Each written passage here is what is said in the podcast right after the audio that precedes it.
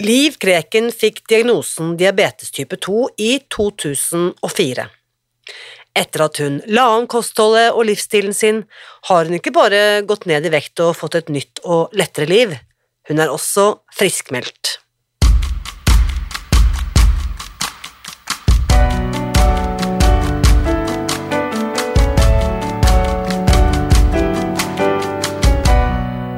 Mitt navn er Irina Lie. Jeg er journalist og forlegger, gründer og sosial entreprenør. I 2015 spiste jeg meg fri fra overvekt og fedme etter å ha slitt med vekt, kropp og følelser i nesten 30 år. Etter at jeg knakk koden, ga jeg meg selv et nytt oppdrag – å dele denne kunnskapen med alle som trenger det. I denne podkasten kan du derfor høre hele lydboken Spis deg fri. Den finner du ved å bla deg tilbake i arkivet og lytte til første sesong. Hver uke inviterer jeg nå gjester som gir deg påfyll til hodet, hjertet og magen. For min visjon er å endre Helse-Norge, og det får jeg ikke til alene. Du bidrar ved å abonnere på podkasten, skrive en omtale i iTunes og tipse meg om hvem jeg burde invitere hit. Da setter vi i gang med ukens episode. Ettersom jeg har null vekttall i medisin og ikke er kvalifisert til å verken sykemelde eller friskmelde pasienter, forsøker jeg alltid å trå varsomt når det kommer til eh, diagnoser og sånt. Likevel, historien du skal få høre i dag, vitner om hvordan et enkelt menneske kan påvirke sin egen sykdomshistorie og dermed også sin fremtid. Her er ukens gjest. Kjære Liv, velkommen til podkasten. Nå skjer det altså. Nå er du en av de suksesshistoriene som blir invitert til å være med her for å dele din historie. Hvordan, hvordan føler du det nå? jo, jeg føler det veldig Jeg, jeg føler det veldig eh, eh, Altså, jeg er stolt av å sitte her to år etter at jeg gikk ned, og på en måte kunne være med på den podkasten her å være en av de som eh, faktisk har klart å leve eh, etter, eh, etter Spis deg fri. Ikke på en måte liksom, totalt etter livsstilen, men etter at det gikk ned, så har jeg klart å holde det. Jeg har klart å, tross mange utfordringer, holde vekta så noenlunde. Fantastisk. Kjære Liv, vi kjenner hverandre ikke. Vi har, vi har møttes nå på Zoom for fem minutter siden, før denne innspillingen startet. Fordi jeg leste om deg i avisen tidligere i år. Fortell litt om deg selv, Liv, eh, for de som ikke kjenner deg. Jeg eh, er jo ei eh, voksen kvinne, så altså jeg jobber akkurat nå på Nasjonalbiblioteket som forskningsbibliotekar i musikkavdelingen. Jeg har gjort veldig mye tidligere i livet. Jeg har hatt mange forskjellige jobber. Jeg har jobba i eh, kommunen, jeg har jobba med barn, jeg har jobba med bedriftsrådgivning. Jeg har hjulpet folk å sette i gang eh, bedrifter. Jeg har eh, jobba mye med kultur. Eh, kulturarrangement, arrangert festivaler, vært manager for band og hatt min egen eh, musikalske karriere. Eh, så jeg har gjort veldig mye eh, i livet. Og alltid hatt mange jern i ilden og alltid vært med på veldig mye. Og inntil for to år siden alltid vært eh, noen nummer for stor. Ja. Du, kan du si noe om hvor snakker vi om på vektskalaen eller på BMI-skalaen? Um, jeg er jo ca. 1,70 høy, og jeg eh, veide rundt 85, og så opp, ja. litt opp og ned. Nei, så du var ikke sånn ja, ikke sant? Så du var ikke sånn holdt jeg på å si, en dundre over 100, du var ikke sånn kjempestor, men du var absolutt eh, kategorien overvektig, kanskje opp mot kanskje. grensen til fedme. Ja da, jeg var det. Jeg hadde BMI på Nå husker jeg ikke så god på akkurat det, der, men jeg hadde iallfall på eh, at eh, alle det, det, var liksom opp, opp mot rødt, da. Ikke sant? Og så, ja, så jeg var jo eh, Og så klærne Det ble jo mer og mer XXL. Sant? Sånn at eh, Og det har alltid vært siden ungdommen, da. Mm. Noen ganger litt opp og Jeg tror det var at det, det, Ja. Bryllupet da var jeg litt ned igjen, liksom. Det er jo noen år siden det òg nå. Mm. Men, eh, Og jeg har prøvd veldig mye forskjellig. Jeg har prøvd Grete Rode, jeg har eh, prøvd eh, på eh, sånne opplegg på treningssenter som jeg ikke husker igjen. Jeg har prøvd veldig mye, men jeg, jeg er ikke av jojo-slankerne, for jeg har aldri vært eh, tynn. Nei. Jeg har aldri på en måte klart å følge eller liksom eh, en kur fordi og, og så blitt tynn, på en måte. Så, jeg, så jeg, det er liksom ned mot 80 jeg har, hatt sånne 20-åra. Mm. Fordi at Hvis du tenker jojo, så tenker man jo på en som går hele veien ned, men kanskje du var sånn jojo i det øverste. Veldig kort jojo. Helt Ja. opp på toppen jojo, jeg skjønner. Ja. Eh, Ja. Og der er det mange av oss som har vært også. Og det er akkurat de der, selv om det er snakk om fem eller syv kilo ned, det er jo utrolig utmattende å gå de opp og ned, opp og ned. Ja, og, og for meg så var det snakk om to-tre kilo opp og ned liksom, hele veien. Så altså, jeg, jeg følte jo at, det, at det, var, det var hele tiden en issue. Det var hele tiden en eh, Det var på en måte liksom Om det ikke var hver mandag, sant, så var det det var mye. Og det var akkurat det der så, så eh, eh, Susan Pearce Thompson snakka så mye om. Den der skamfølelsen, den der eh, Hvorfor meg? Hvorfor klarer jeg ikke? Hvorfor må det være sånn? Så på en måte gjorde at jeg eh, at, at du, Ja. En blir så opptatt av det, da.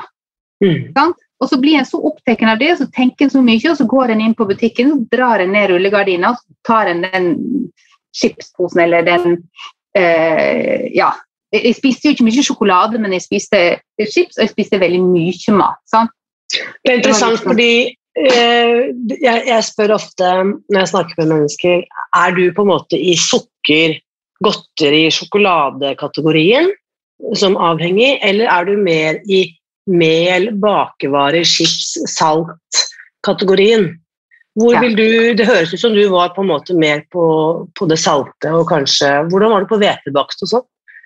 Du vet at eh, i, I 2004 så fikk jeg påvist diabetes. Og da begynte jeg på insulin. Det hadde litt med litt sånn eh, ting å fordi at eh, vi, eh, vi hadde egentlig tenkt å få flere barn, så vi måtte gå på insulin. Men så gikk jeg rimelig fort over til eh, eh, tabletter. Og så gikk jeg på diabetesmedisin i 15 år, ca. 14-15 år. Og da kutta jeg i utgangspunktet ut sukker. Eh, sånn at, og, så jeg, jeg spiste veldig lite sjokolade, kan du si, i, i de åra. Og jeg merka jo på kroppen min, uten at jeg hadde noe glutenallergi, eller noe, så merka jeg jo at hvetebakst da, da var liksom eh, det, var, det, var, det, det ble en slags rus, sant? Og, så, og så blir du på en måte i bakrus etterpå. Så, så jeg, jeg, var, jeg var egentlig paste med det, men det som var min greie, det var jo, det var jo saltmat. Sant? Det, var jo, det var jo chips, og det var store måltid. Yes. Eh, sånn at eh, det var, det var liksom eh, det som eh, tok meg, da. Mm. Og det var, det var Ja. Den diabetesen, bare sånn for å bare ha det klart, det var typen type diabetes 2. Det var type diabetes 2. Og, og, eh, og jeg var jo ganske fort- fortvila fordi at jeg følte at jeg gjorde veldig mye rett. Jeg kutta ut sukker, jeg gikk på lav fodmat. Jeg prøvde det ene, jeg prøvde det andre. Jeg var i perioder aktiv, jeg eh, trente en del i perioder. Kanskje ikke så målbevisst, men jeg trente. Og jeg gikk Det var liksom sånn periodegreier òg, men jeg følte liksom at jeg ble ikke bedre uansett hva jeg gjorde. da. Mm. Og, og da gikk jeg til, eh, altså, til Siri Aabel i, i Green Doctors, og hun ba meg om å kutte ut melk ifra kosten. All melk. Til og med liksom, eh, melk i medisinene. Sant? Ga meg andre medisiner som ikke var melk, melkeprodukter. Alt spor av melk, alt geit, geitemelk, alt sammen. Sant? Og det var, det var jo helt eh, eh, kritisk på en måte. fordi når, når jeg ikke åt sukker, sant? og forsynte meg av dessertbord, så forsynte jeg meg av ostebordet. Det var jo det jeg gjorde. Og, og, og eh, sånn at, eh, Men hun bare sa nei, kutt ut det. Og så sa hun og da kan du òg kutte ut diabetesmedisin. Wow. Og det gjorde jeg. Og så, så fortsatte jeg å leve uten diabetesmedisin og uten melk, og blodsukkeret var omtrent der det var når jeg gikk på medisin. Så dette var, sa du, i 2019, at du kuttet ut eh, medisin eh, og, og melk, da? Eh, det må, jeg tror det var i 2019 eh, Nei, det var 2018 så kutta jeg ut medisin og melk. Ja. Og Så så 2000 ja. ja, Unnskyld, mm, fortsett. Nei, ja. Og så eh, gikk det et års tid. Eh, og, da, eh, og jeg var samme vekt, og jeg var samme blodsukker som sagt, men uten medisin. Og jeg var ganske sånn sliten og trøtt og, sant? og litt sånn andre diagnoser bak og stoffskifte og sånne ting som gjorde at jeg Ja, jeg, jeg, jeg syntes det var tungt, da. Og så eh, i, i, da, den, I 2019 var det vel, da, så begynte jeg på, begynte jeg på yoga. Og så sier jeg og så kom, hilser en jo på folk en ikke har møtt før. Og så gikk jeg bort og så hilste jeg på ei, og så Hei. Eh, Marianne sa jo ja, du kjenner jo meg. Vi er jo venner på Facebook, sa hun. Og jeg ble bare sånn Er det deg, liksom? Du er jo halvparten så stor som du var. Ja, sa hun. Det, og det, det har gått fort, sa hun. Og hun fortalte meg om Spis deg fri. Og hun sa det, det er ikke et slankeopplegg, sa hun. Det, det, er det er et kosthold. Det er en måte å leve på.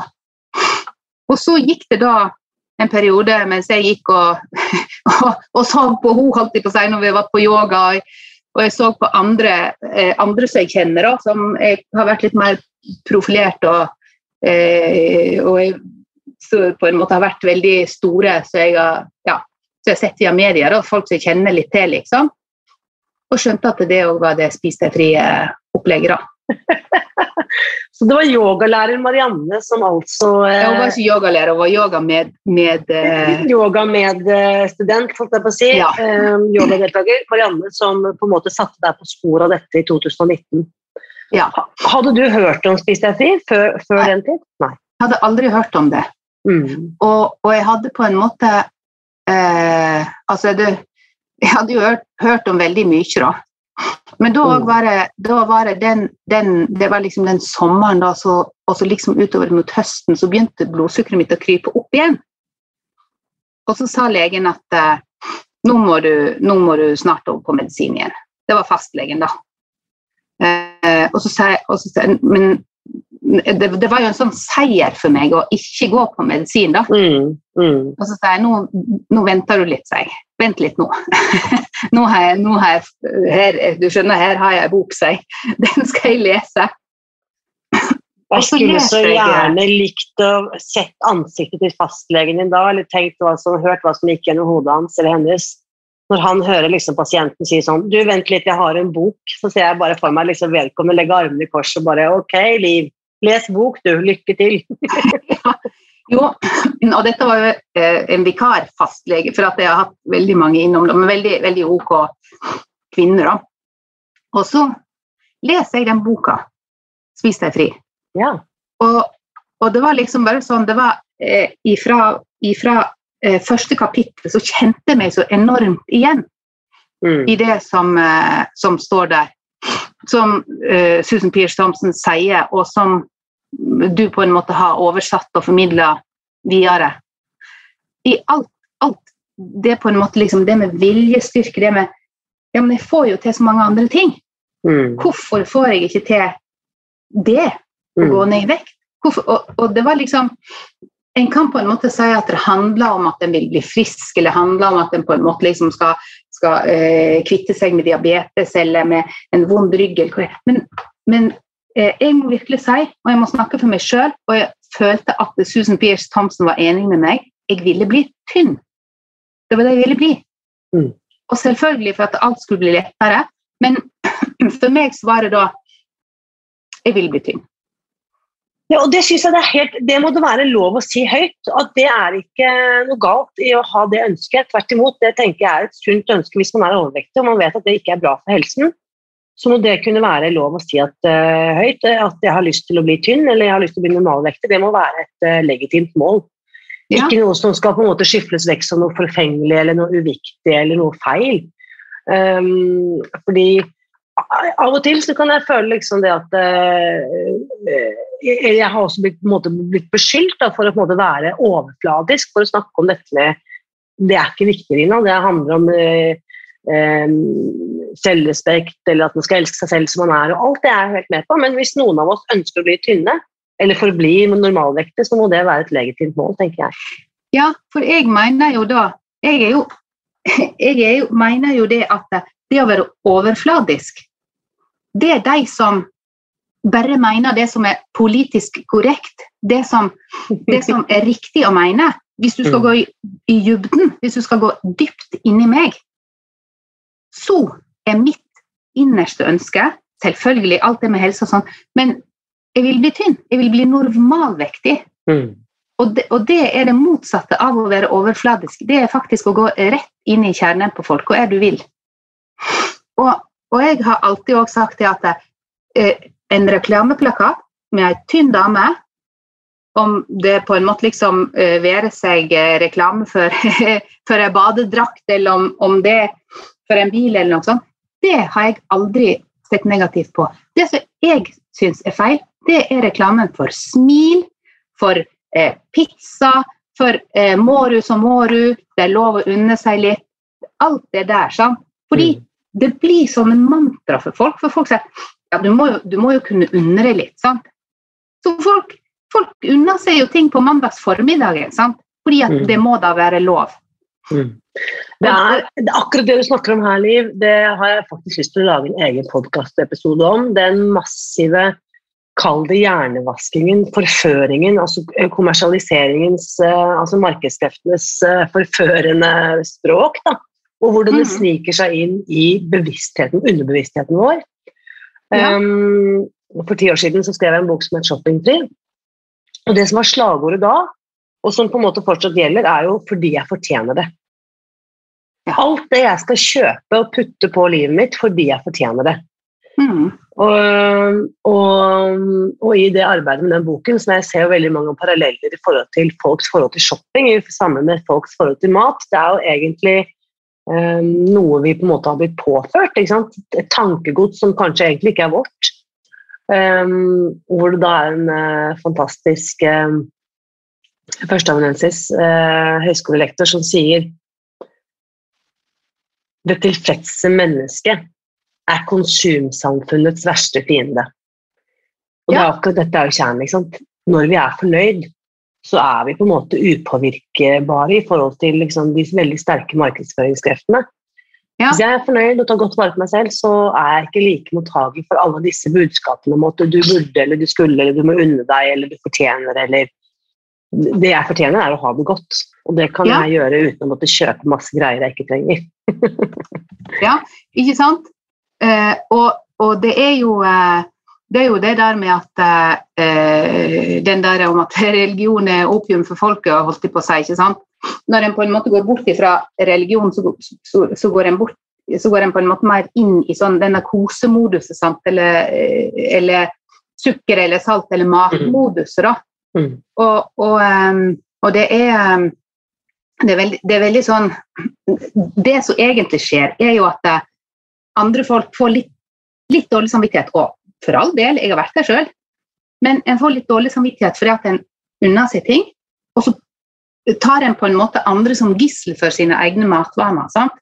Mm. At en, at en, fordi at en sjøl sitter og spiser ting en vet er usunne, så prøver en å få andre til å gjøre det òg, sånn at en på en måte, sånn at det blir eh, en, en, kan forsvare det. Ja, nå koser vi oss. ikke sant? Det er ikke bare jeg som sitter og på en måte spiser ting som jeg Mm. eh, som ikke, ikke, er sunne for meg, da.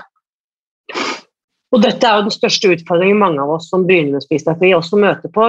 Den følelsen, den utenforskapet jeg føler på når jeg skal være den eneste i det selskapet som ikke skal spise den uh, suksesskaken, mm. så blir på en måte jeg et, uh, et ubehagelig, blir en ubehagelig stein i skoen, for jeg bryter det fellesskapet, jeg bryter det måltidsfellesskapet eller det drikkefellesskapet eller hva det måtte være.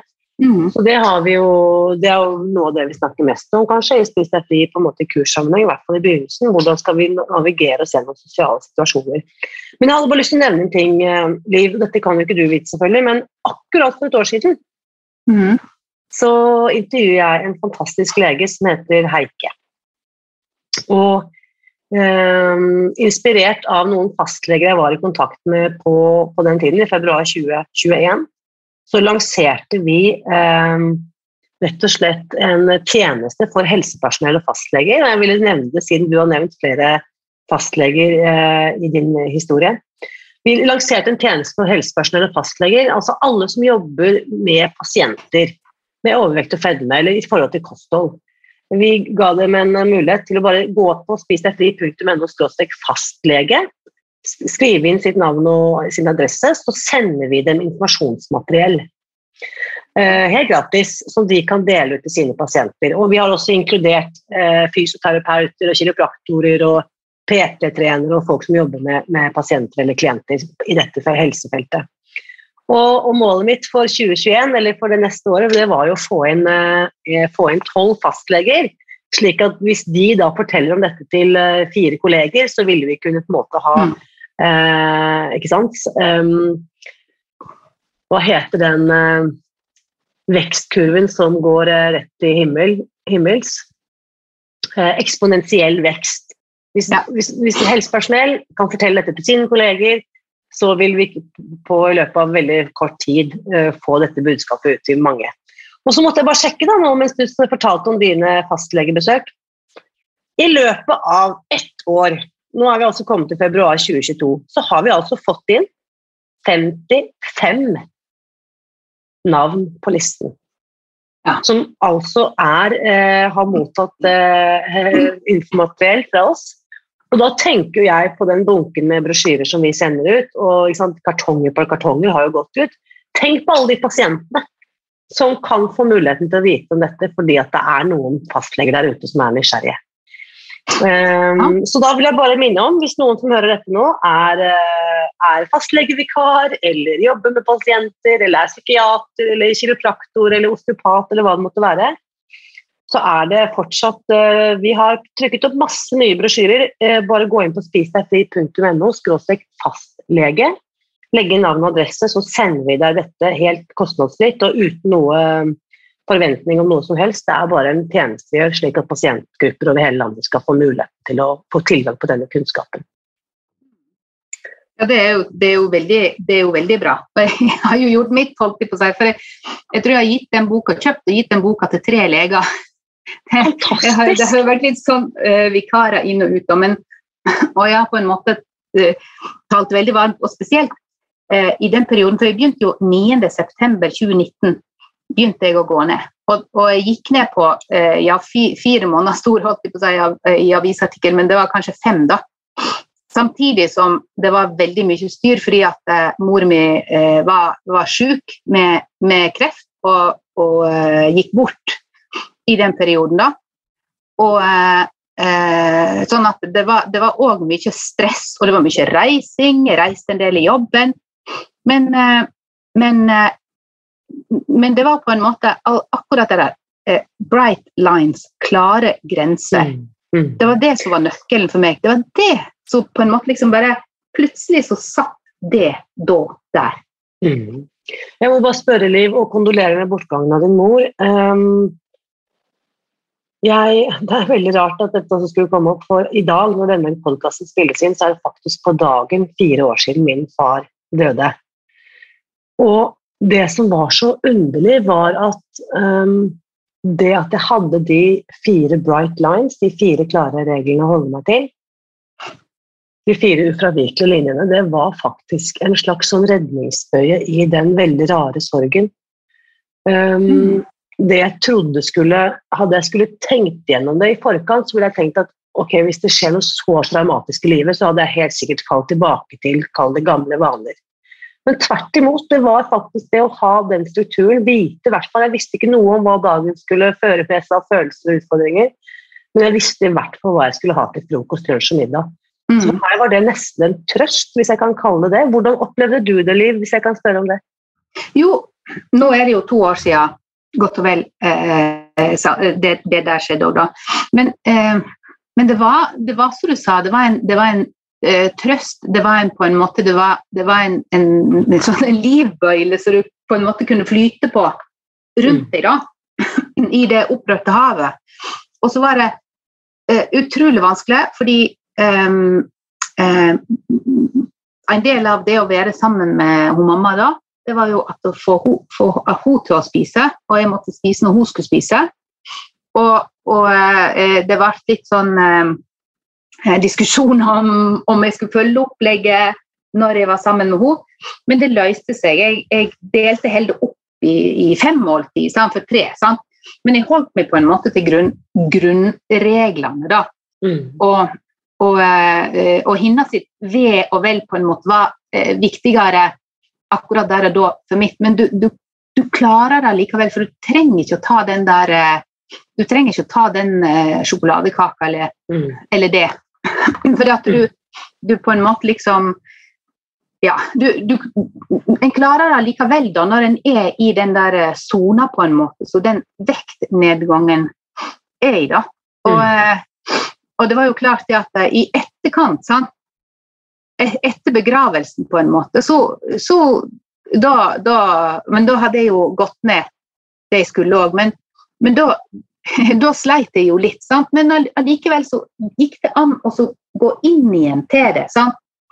Fordi jeg, eh, jeg eh, sant, i, Samtidig, da, i den eh, perioden, eller rett etterpå, eller jeg husker ikke akkurat når det var, så fikk jeg jo da, da had, fikk jeg den fastlegen som jeg egentlig har nå, da. Så jeg er vikar for nå òg, men eh, på grunn av eh, diverse. Men, og hun eh, sendte meg en gratulasjons-e-post etter at hun hadde mottatt blodprøvene mine. Wow. Og, og, eh, og, og det var på en måte liksom Om hun vet om Spis deg fri eller ikke, det for meg så eh, Dette var eh, på mange måter min kamp, da. Jeg Mm. hadde støtte fra leger, og jeg hadde på en måte liksom den, Men, men, men det, var, det var ikke eh, det, det var min kamp. Og når jeg hadde eh, gått ned, og da få anerkjennelse for det på, på en sånn måte at du, at du liksom bare sånn gratulerer. altså Kolesterolverdiene dine er, er kjempefine. Blodsukkeret ditt er, er, helt eh, topp, liksom. Så da, da var det eh, Det var liksom på en måte første seieren, da. Mm. Nå skal det òg sies det at jeg gikk ned altfor mye. Ja, fortell, du begynte, Vi må snakke litt om vekt, for du begynte 9.9., sier du. 2019. Ja. Og så gikk du ned 20 kilo på fem måneder. Ja. Så da gikk du fra typ 85, eller? Jeg gikk fra 85 ned til 61,5. Ja. Men det var for mye. Fordi jeg, eh, plutselig så eh, likte jeg ikke kroppen min. Jeg klarte ikke å kle opp kroppen min. Jeg, klarte, jeg, var, jeg, liksom, jeg har jo alltid hatt former. Jeg, jeg eh, det, Ja. Og jeg fikk veldig mange kommentarer på det. da. Selvfølgelig fra veldig skr skrantne folk. Det er jo de som tør å kommentere på at det, stort sett at folk er tynne. da. Så, så, men, eh, eh, men, men da kjente jeg òg at det her er nå, nå er jeg for tynn. Ja. Jeg var for tynn, og så hadde jeg veldig lite energi. Fordi eh, det hadde gått så fort. Og jeg liker jo å padle kajakk. Og kajakken min veier sånn 24 kilo. Og jeg var litt redd for at jeg ikke skulle klare å løfte den omtrent. sant? At jeg på en måte skulle slite meg ut før jeg fikk kajakken på vannet. da. Men jeg, jeg vet ikke om du har tenkt på det, men det vil si at kajakken din veier like mye som det du hadde gått ned Ja. i vekt. Mm. Fra 85 til 61,5.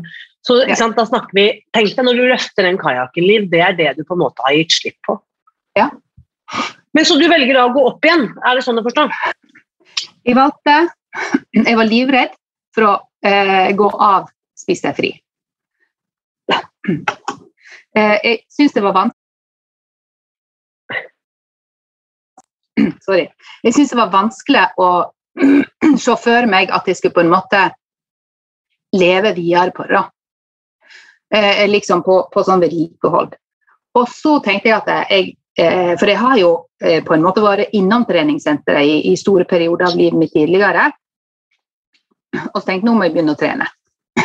Og det sier jo òg eh, Brightline Eating eh, Spis deg fri-opplegget.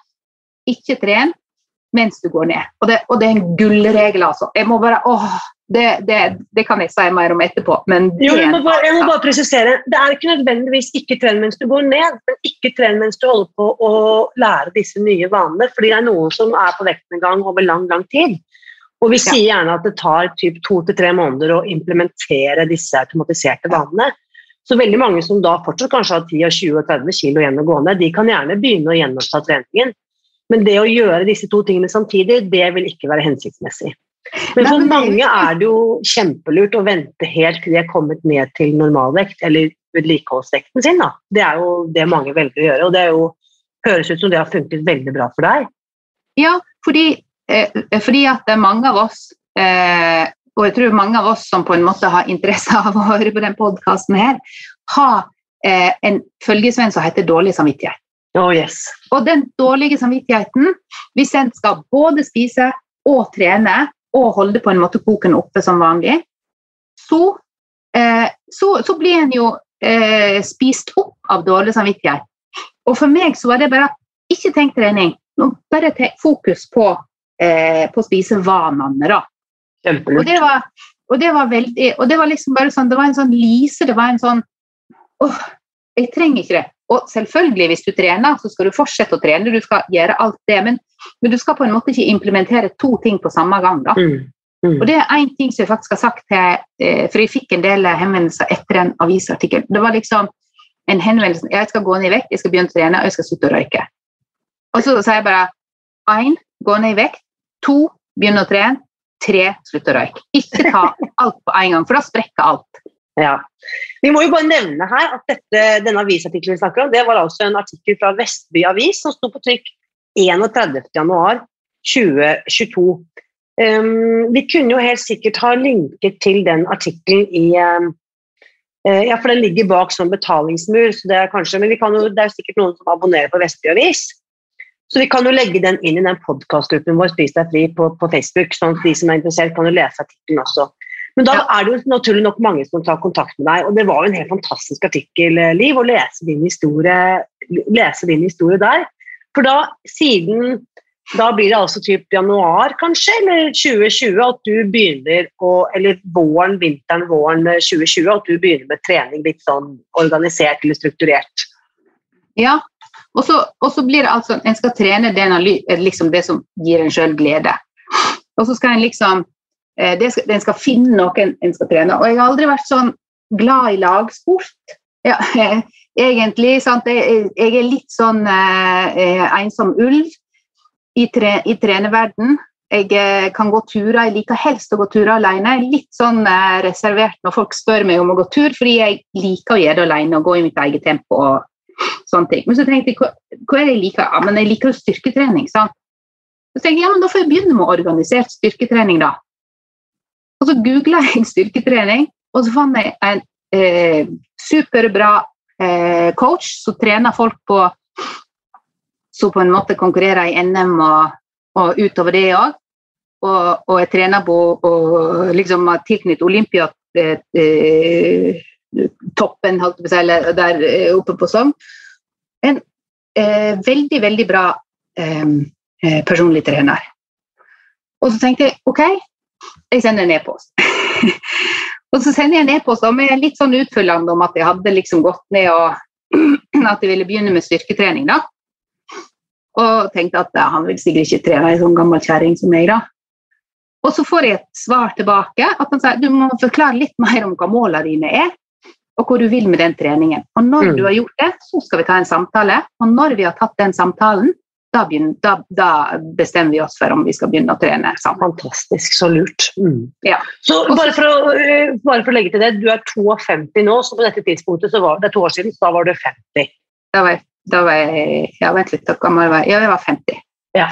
ja. Eh, og, og, så skrev du at, at det på en måte at jeg, at jeg eh, liksom jeg skrev, jeg skrev jo litt mer om prosessen og sånn. og og, og, og, og, så, så, skrev jeg det som han da sa var eh, Fredrik Gyllenstein het han, en eh, veldig bra trener. Så han sa var liksom det som på en måte fikk ham til å tenke at det her skal jeg, eh, den, den, her vil jeg trene. Og det var det at eh, han får på en måte ingen ungdom som søker mot stjernene, men han får ei godt voksen dame som vil oppnå eh, resultat, altså vil bli bedre trent enn vanlig godt trent. da. Jeg ville på en måte liksom, jeg har veldig masse driv til å, til å, sant, å bevise noe for meg sjøl, først og fremst. At jeg som alltid har vært overvektig, jeg som aldri på en måte har vært noe bra i sport, jeg kan oppnå resultat og bli bedre enn vanlig jeg, jeg, blir bare litt nysgjerrig. for i, mitt, eh, I min gamle jobb som journalist så hendte det at jeg dekket mange rare sportsevenement. Og et av de beste reportasjene, eh, en av de mest spektakulære reportasjene jeg var med å lage, det var jo NM i fitness. har du noen sånne ambisjoner om å liksom smøre inn eh, overkroppen i, i og være med på sånn eh, NM i fitness? Nei, det har jeg ikke. Fordi eh, det eh, På ingen måte. Men eh, når du hele tiden har eh, vært overvektig så det, det, Jo, det er fint å bli tynn, men samtidig så vil en jo ha en kropp som, som, som virker ok. Sant? For at når du går ned når du går ned 20 kg, så får du grevinneheng, og du får blondekanter både her og der.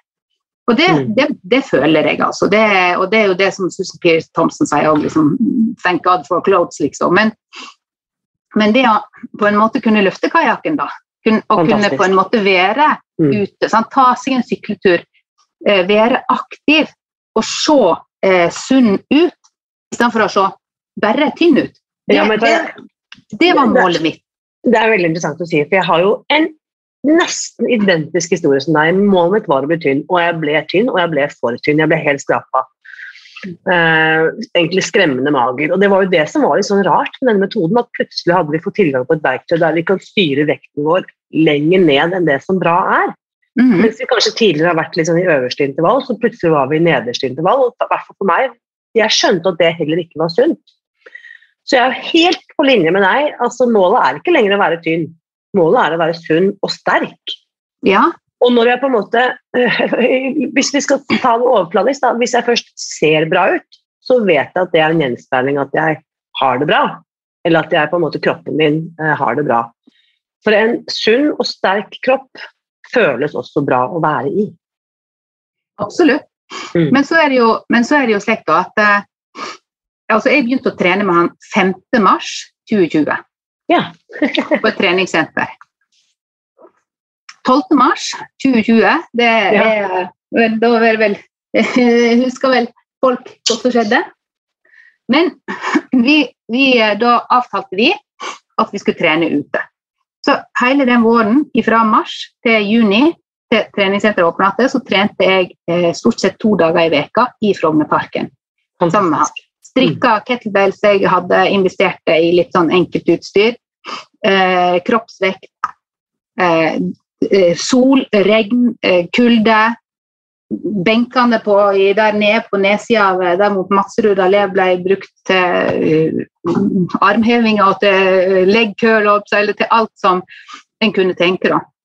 Og det var egentlig en sånn uh, Det var liksom på en måte oppstartsperioden. da, det, det det holdt veldig. Og så kom vi jo inn, og så begynte vi å, trene styrke inne. Og da, og mm. da eh, trener vi styrke. Vi vil bli sterk. Jeg trenger ikke å bli fitt. Jeg trenger ikke å bli eh, Jeg håper jeg skal aldri komme med kokosolje på den kroppen her. Men jeg ville bli sterk, da. Og det, og det, eh, og det ble det jo. Men så er det jo slik, da, at det er jo ikke sånn at du automatisk blir 100% frisk eller 100% lykkelig om mm. du går ned. Men ting blir lettere. Mm. Og, og, det var liksom Bare for å eh, ta en sånn kjapp eh, greie. Jeg har operert eh, i underlivet. Jeg har på en måte hatt hjerteinfarkt.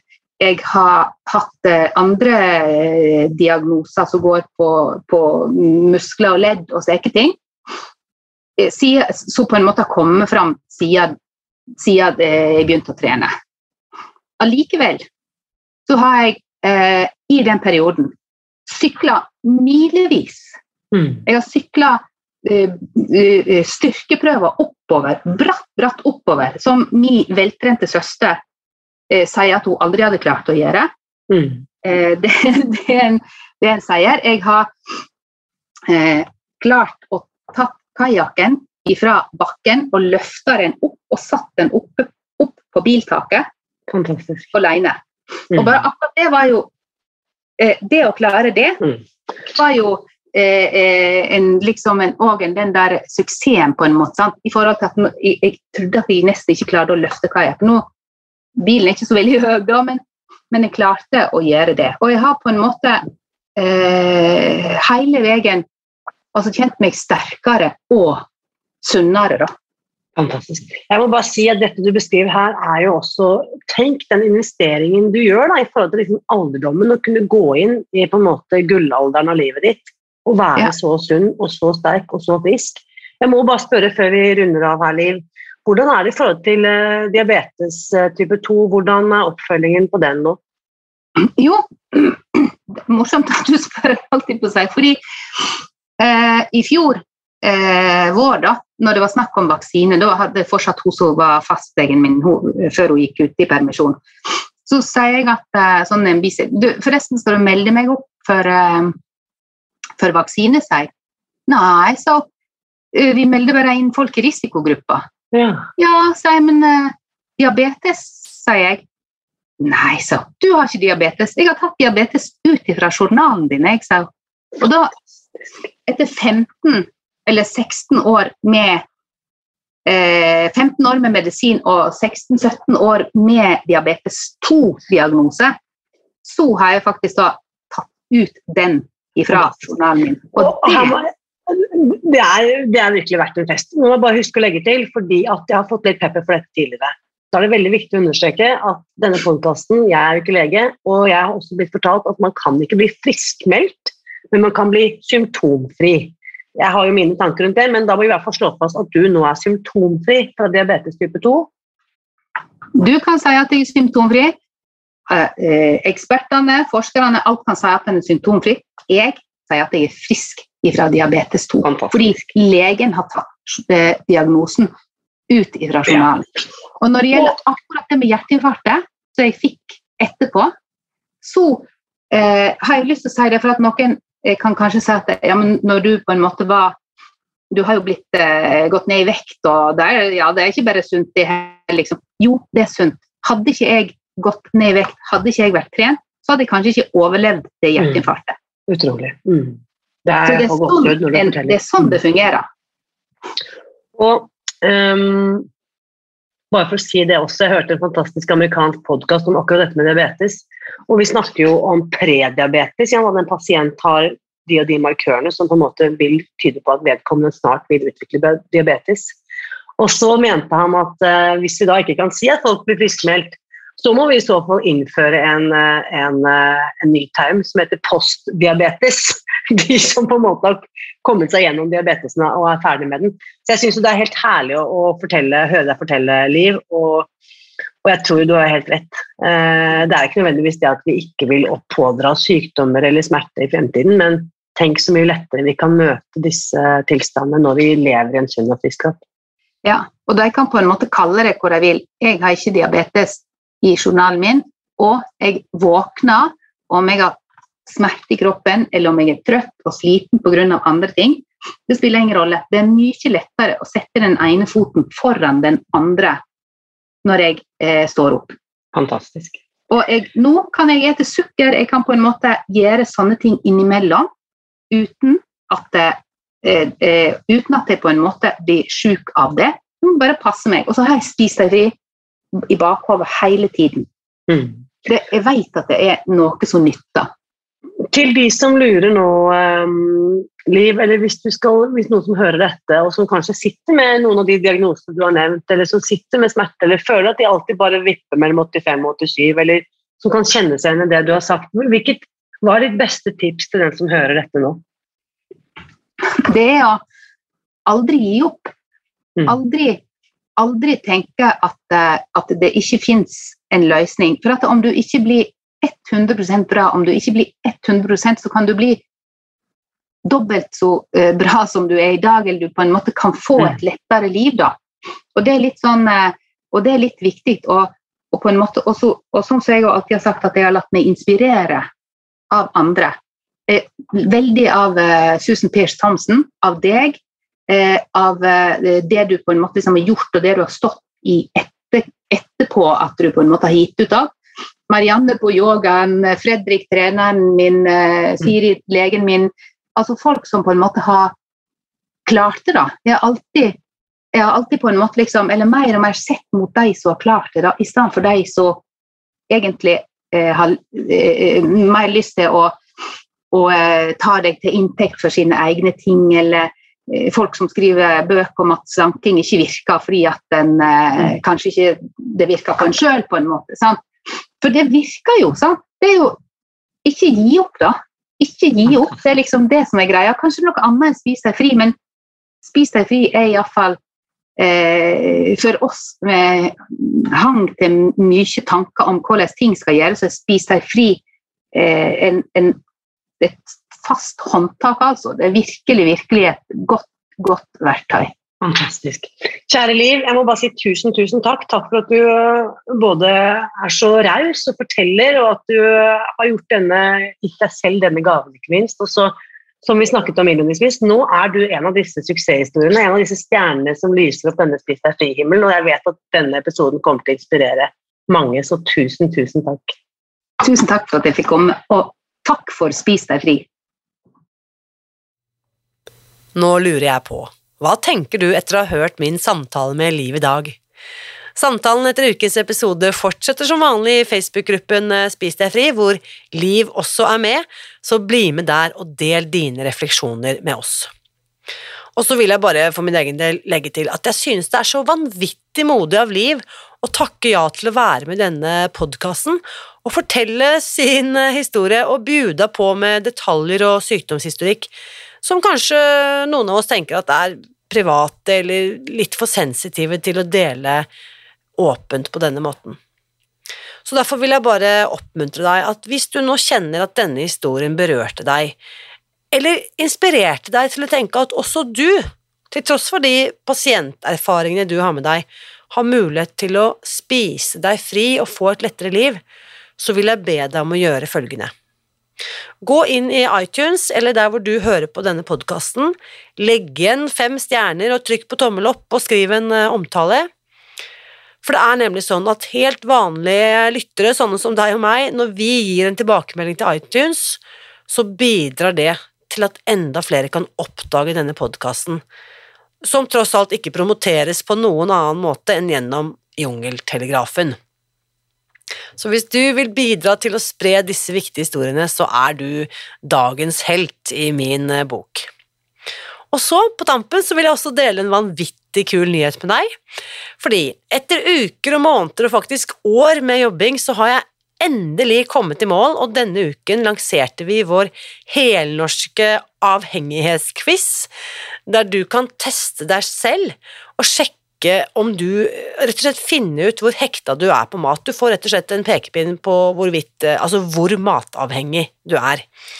Eh, og den finner du ved å gå til spisdegfri.no quiz, eller eh, så kan du sjekke vår link i bio på Instagram-kontoen vår, som selvsagt også heter Spis deg fri. Og denne quizen den er selvsagt helt gratis, og den tar kun to minutter å gjennomføre.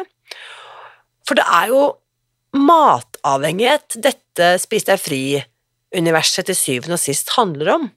Det er det problemet jeg kan tilby deg en løsning for.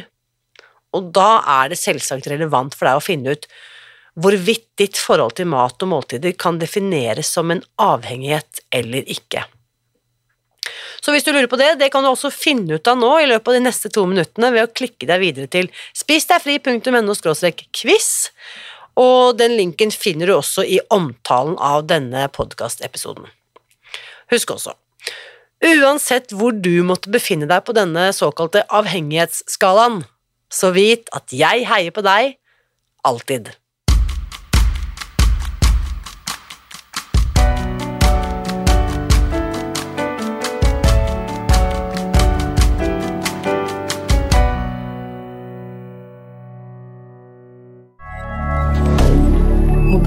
rien.